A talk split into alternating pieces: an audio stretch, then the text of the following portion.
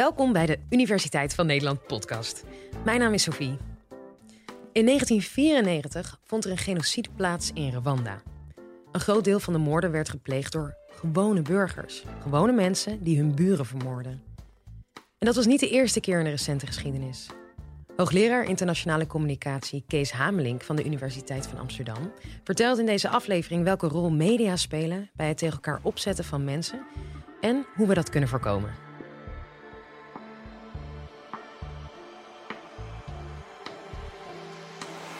Live vanuit Club Air is dit de Universiteit van Nederland. Begrijpt u Vera Wolauf? Vera is een jonge vrouw, aantrekkelijke vrouw, plezierig open gezicht. Vera is zwanger en gaat op huwelijksreis met haar echtgenoot Julius Wolauf. En daar begint het probleem. Want Julius is niet zomaar een echtgenoot en de vader van haar toekomstige kind. Julius is de commandant van het beruchte nazi-politiebataljon 101. En Vera gaat met hem op huwelijksreis om te zien hoe hij Joodse kinderen doodslaat. Dat is een beeld wat ik niet kan begrijpen. Gewone, aardige jonge vrouw die meegaat naar een gelegenheid waarbij de vader van wat straks haar kind zal zijn, andere kinderen doodslaat. Het is eenzelfde verwarrend beeld als het verhaal wat ik hoorde van een Belgische journaliste, die ik vroeg, wat was nou het ergste wat je in Rwanda hebt gezien tijdens de genocide? En zei, zei het ergste was het beeld van een Hutu-grootmoeder, die met een eind hout de baby van haar Tutsi-buurvrouw doodslaat onvoorstelbare beelden. Die de vraag oproepen, hoe is het mogelijk dat gewone mensen, want ook die Hutu-grootmoeder was een gewone grootmoeder, en Vera was ook een gewone jonge vrouw, hoe is het mogelijk dat gewone mensen toekijken wanneer anderen vermoord worden? Of daar zelfs actief aan deelnemen. Daarover nadenkend dacht ik, het moet haast wel zo zijn dat in dat proces de media, kranten, radio, televisie, een rol spelen. Want immers, na de Tweede Wereldoorlog, tijdens het militair tribunaal in Nuremberg, werd Julius Streicher tot de dood veroordeeld. Hij werd opgehangen. En Julius Streicher had nooit iemand vermoord. Hij was alleen maar de hoofdredacteur van het rabiaat antisemitische Der Stürmer. Hij had anderen aangezet om mensen te doden. Hij had aangezet tot genocide. En dat vond de rechtbank voldoende om hem een doodvonnis te geven. Wat velen van u zich misschien niet herinneren of zelfs niet weten, is dat wij in Nederland na de Tweede Wereldoorlog ook een journalist te dood hebben veroordeeld.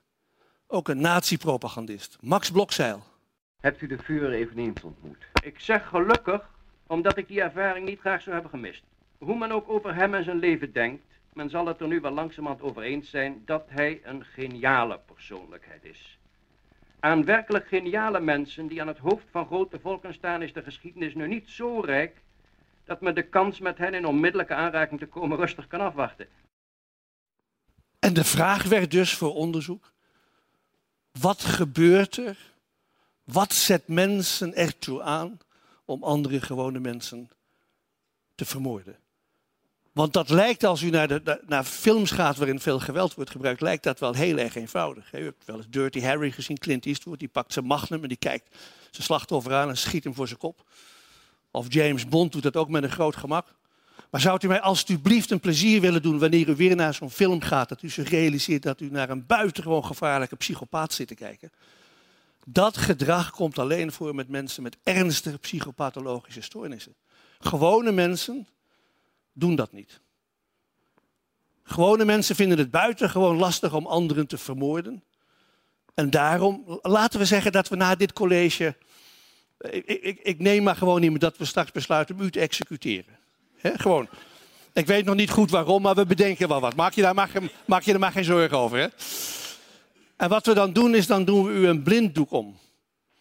En dat is niet zodat u niet ziet wie u doodschiet. Maar dat is omdat anderen waarschijnlijk alle leden van dat groepje wat u moet executeren over uw hoofd heen schieten.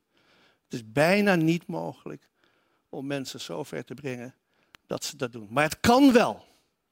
En ik wil u graag even meenemen in het proces wat ertoe leidt dat tenslotte gewone mensen op vrij grote schaal andere gewone mensen in de ogen kijken en doodslaan. Het begint eigenlijk altijd, en het begon zo in Nazi-Duitsland, en het begon op de Balkan zo, en het begint nu zo in de Centraal-Afrikaanse Republiek, het begon ook zo in Rwanda. Het begint altijd met onrust, ongerustheid, bezorgdheid. Mensen zijn bezorgd over hun toekomst, over de toekomst van hun kinderen, van hun kleinkinderen. Er is werkeloosheid, er zijn problemen. Daar begint het eigenlijk altijd mee.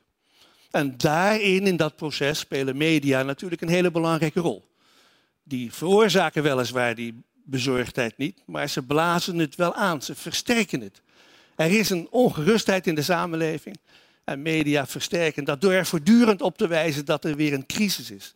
Het woord crisis is de laatste twee jaar het meest gebruikte woord in de internationale media. Er is altijd wel een crisis. En u gaat lekker naar bed en denkt, nou dat is meegevallen vandaag. S ochtends slaat u de krant open. Er is een crisis. Financiële crisis, een politieke crisis, een terroristische crisis, een ecologische crisis. Er is altijd wel een crisis. Voldoende om u een beetje ongerust te maken. En anders legt die krant u wel uit dat het echt de hoogste tijd is dat u ongerust wordt. Want u bent straks uw baan kwijt en u bent straks uw geld kwijt en u bent uw huis kwijt. En met die kinderen wordt het ook niks. Dus voldoende reden om ongerust te zijn. Die fase van ongerustheid leidt dan eigenlijk natuurlijk vanzelfsprekend tot de vraag, maar wie heeft het nou gedaan? Wie veroorzaakt die narigheid? En daarbij is het interessante dat wij in het algemeen niet erg geneigd zijn om dat dan bij onszelf te zoeken. Zo zitten wij niet in elkaar. We hebben daar liever een ander voor aangewezen. Die heeft een narigheid veroorzaakt. Je zoekt een zondebok. En die is altijd snel gevonden, want er zijn altijd wel groepen in de samenleving die zich daarvoor lenen. Als de Joden niet zijn, dan zijn het wel de Zigeuners, en anders zijn het de homo's, en anders zijn het de moslims. Je vindt altijd wel een groep die aangewezen kan worden als degene die de narigheid veroorzaakt. Ook daarin spelen media weer een belangrijke rol, want je hebt namelijk als populistisch politicus, als je iemand wilt aanwijzen die het allemaal veroorzaakt heeft, wel een platform nodig, een groot publiek platform. En dat platform wordt netjes aangereikt door media wereldwijd. Dan lukt het overigens nog niet om op grote schaal mensen elkaar te laten vermoorden. Komt nog een volgende stap. En die volgende stap heeft te maken met vervreemding. Je moet proberen de menselijkheid van die tegenstander te ontkennen. Die moet je proberen te dehumaniseren. Op het moment dat je kunt zeggen, maar die ander is ook eigenlijk geen mens. Die behoort tot een ander moreel universum. Daar gelden andere regels voor. Dan wordt het alweer gemakkelijker om iemand dood te slaan. Dat is precies wat er gebeurde in Rwanda.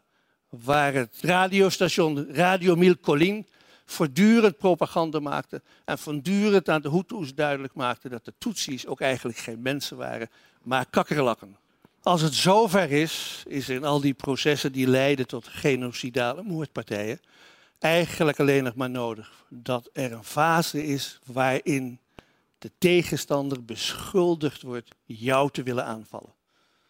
Beschuldiging in spiegelbeeld is dat genoemd bij een van de grote processen tegen de moordenaars in Rwanda. Want op het moment dat ik jou ervan kan beschuldigen dat je van plan bent om mij de hals af te snijden, is het voor mij buitengewoon verstandig om dat eerst maar even bij jou te doen. Je moet dus voorkomen dat het te ver gaat en dat vermoorden van die ander wordt dus gezien als volstrekt legitieme zelfverdediging. Die processen liggen niet helemaal zo. Het is geen modelletje wat ik u aanreik. Ik geloof niet in modellen in de wetenschap. Die vertekenen de werkelijkheid altijd. Maar historisch gaan we wel vrijwel altijd door die fasen heen en spelen altijd in die fase de media als omroepers en als versterkers een belangrijke rol. Maar op het moment dat je zoiets bestudeerd hebt, dan vraag je natuurlijk af, zouden we daar wat aan kunnen doen? Zouden we misschien een systeem kunnen bedenken waardoor we niet altijd te laat zijn? We wachten altijd als internationale gemeenschap totdat er 500.000 of een miljoen mensen vermoord zijn. Zou het mogelijk zijn om daar wat aan te doen? En toen viel mij in dat je misschien internationaal een systeem zou kunnen bedenken, een soort van rookmelder. Een soort van alertsysteem, een alarmsysteem, dat tijdig aangeeft in dit land. En je kunt op dit moment de conflicthaarden heel gemakkelijk aanwijzen. Dit soort processen spelen zich af op dit moment in de Centraal-Afrikaanse Republiek. Ze spelen zich af in Afghanistan. Ze spelen zich af in deelstaten van India. Ze spelen zich af in de Ivoorkust. En je zou eigenlijk dus tijdig willen waarschuwen dat dit zich afspeelt. Dat hier media aanzetten tot genocide, omdat dat namelijk een strafbaar feit is. We hebben sinds Nuremberg met elkaar afgesproken dat het aanzetten tot genocide een internationaal misdrijf is waarvoor je gestraft kunt worden. We hebben inmiddels ook een internationaal strafhof in Den Haag dat actie zou kunnen ondernemen. De vraag is natuurlijk alleen of de internationale politiek bereid is om zoiets te doen. Dus ik loop nu al ongeveer tien jaar rond met een klein koffertje waarin dat plan zit. Internationaal media-alertsysteem om overal in de wereld mensen zover te krijgen dat te implementeren, dat te realiseren. Tot nu toe is er, naar mijn weten, eigenlijk maar ooit één iemand geweest die het plan echt serieus heeft genomen. En dat was de door mij zeer bewonderde secretaris-generaal van de Verenigde Naties, Kofi Annan. Ik had het voorrecht om, om poosje een van zijn adviseurs te mogen zijn. En ik dacht, dit is mijn gelegenheid, ik ga met mijn koffertje naar Kofi Annan. Dat is overigens nog wel heel grappig, want het merkwaardig is als je zo'n kantoor in New York binnenstapt in de Verenigde Naties, dan vraag je natuurlijk af, wat zeg je eigenlijk tegen zo'n man? Your Excellency? Of uh, Secretary-General? Of zeg je gewoon koffie? Het is niet helemaal duidelijk hoe je dat moet doen. Dus ik vroeg maar netjes aan hem, uh, Mr. Anand, how do I address you? En toen zei hij, want dat is een bekend grapje van call me Mr. SG. En dan denk je natuurlijk dat betekent Mr. Secretary-General. Zei hij, nee, dat denkt u, maar dat is helemaal verkeerd. Mr. SG betekent Mr. Scapegoat. Want alles in de wereld wat er misgaat, is altijd de schuld van de Verenigde Naties. Als we ergens invallen, dan gaat het mis. Als we niet ingrijpen, gaat het mis. Wij krijgen altijd de schuld van alles wat faalt in internationale politiek. Dus noem mij maar Mr. SG. En Mr. SG is inderdaad met dat plan op missie gegaan. Die heeft onder meer in Ivoorkust de journalisten toegesproken en tegen ze gezegd: Wilt u zich heel goed realiseren dat op het moment dat u aanzet tot moordpartijen, dan bent u geen journalisten meer, maar dan bent u gewoon hele ordinaire misdadigers. En dan zal ik doen wat ik kan om het internationale strafhof achter u aan te zetten. Toen zei hij erbij, dat vond ik wel grappig. Ja, uw argument is dan natuurlijk dat dat niet doet, want dit is nou toevallig een land dat het gezag van het internationaal strafhof niet uh, erkent. Dat is vaak een probleem. Hij zegt, maar ik weet dat veel van u echtgenotes graag winkelt in Parijs en in Londen en New York. En reken erop, zodra er een bevel tot arrestatie is uitgegaan, dat we dat ook laten gelden voor uw familieleden. Dus die vrouw van u kan wel vergeten dat ze ook nog kan shoppen in Parijs. Die pakken we meteen in de kraag. Nou, dat had toch een klein beetje effect. Onvoldoende effect, dus voorlopig zullen we al die grote conflicten nog wel terug zien komen, ben ik, ben ik bang. En al die conflicten roepen nog weer eens heel nadrukkelijk bij ons een hele interessante, maar moeilijke vraag op. Wij leven, of we het willen of niet, op een buitengewoon ingewikkelde planeet. Waar we heel verschillend zijn. En waar we allerlei reden hebben om cultureel en etnisch en religieus met elkaar in conflict te raken. En die conflicten te zien escaleren tot genocide. Ik hoop dat je het een leerzaam college vond. En als dat nou zo was, abonneer je dan op ons kanaal. Volgende keer gaan we het hebben over criminaliteit. Mijn naam is Sofie Frankemolen en heel graag tot de volgende.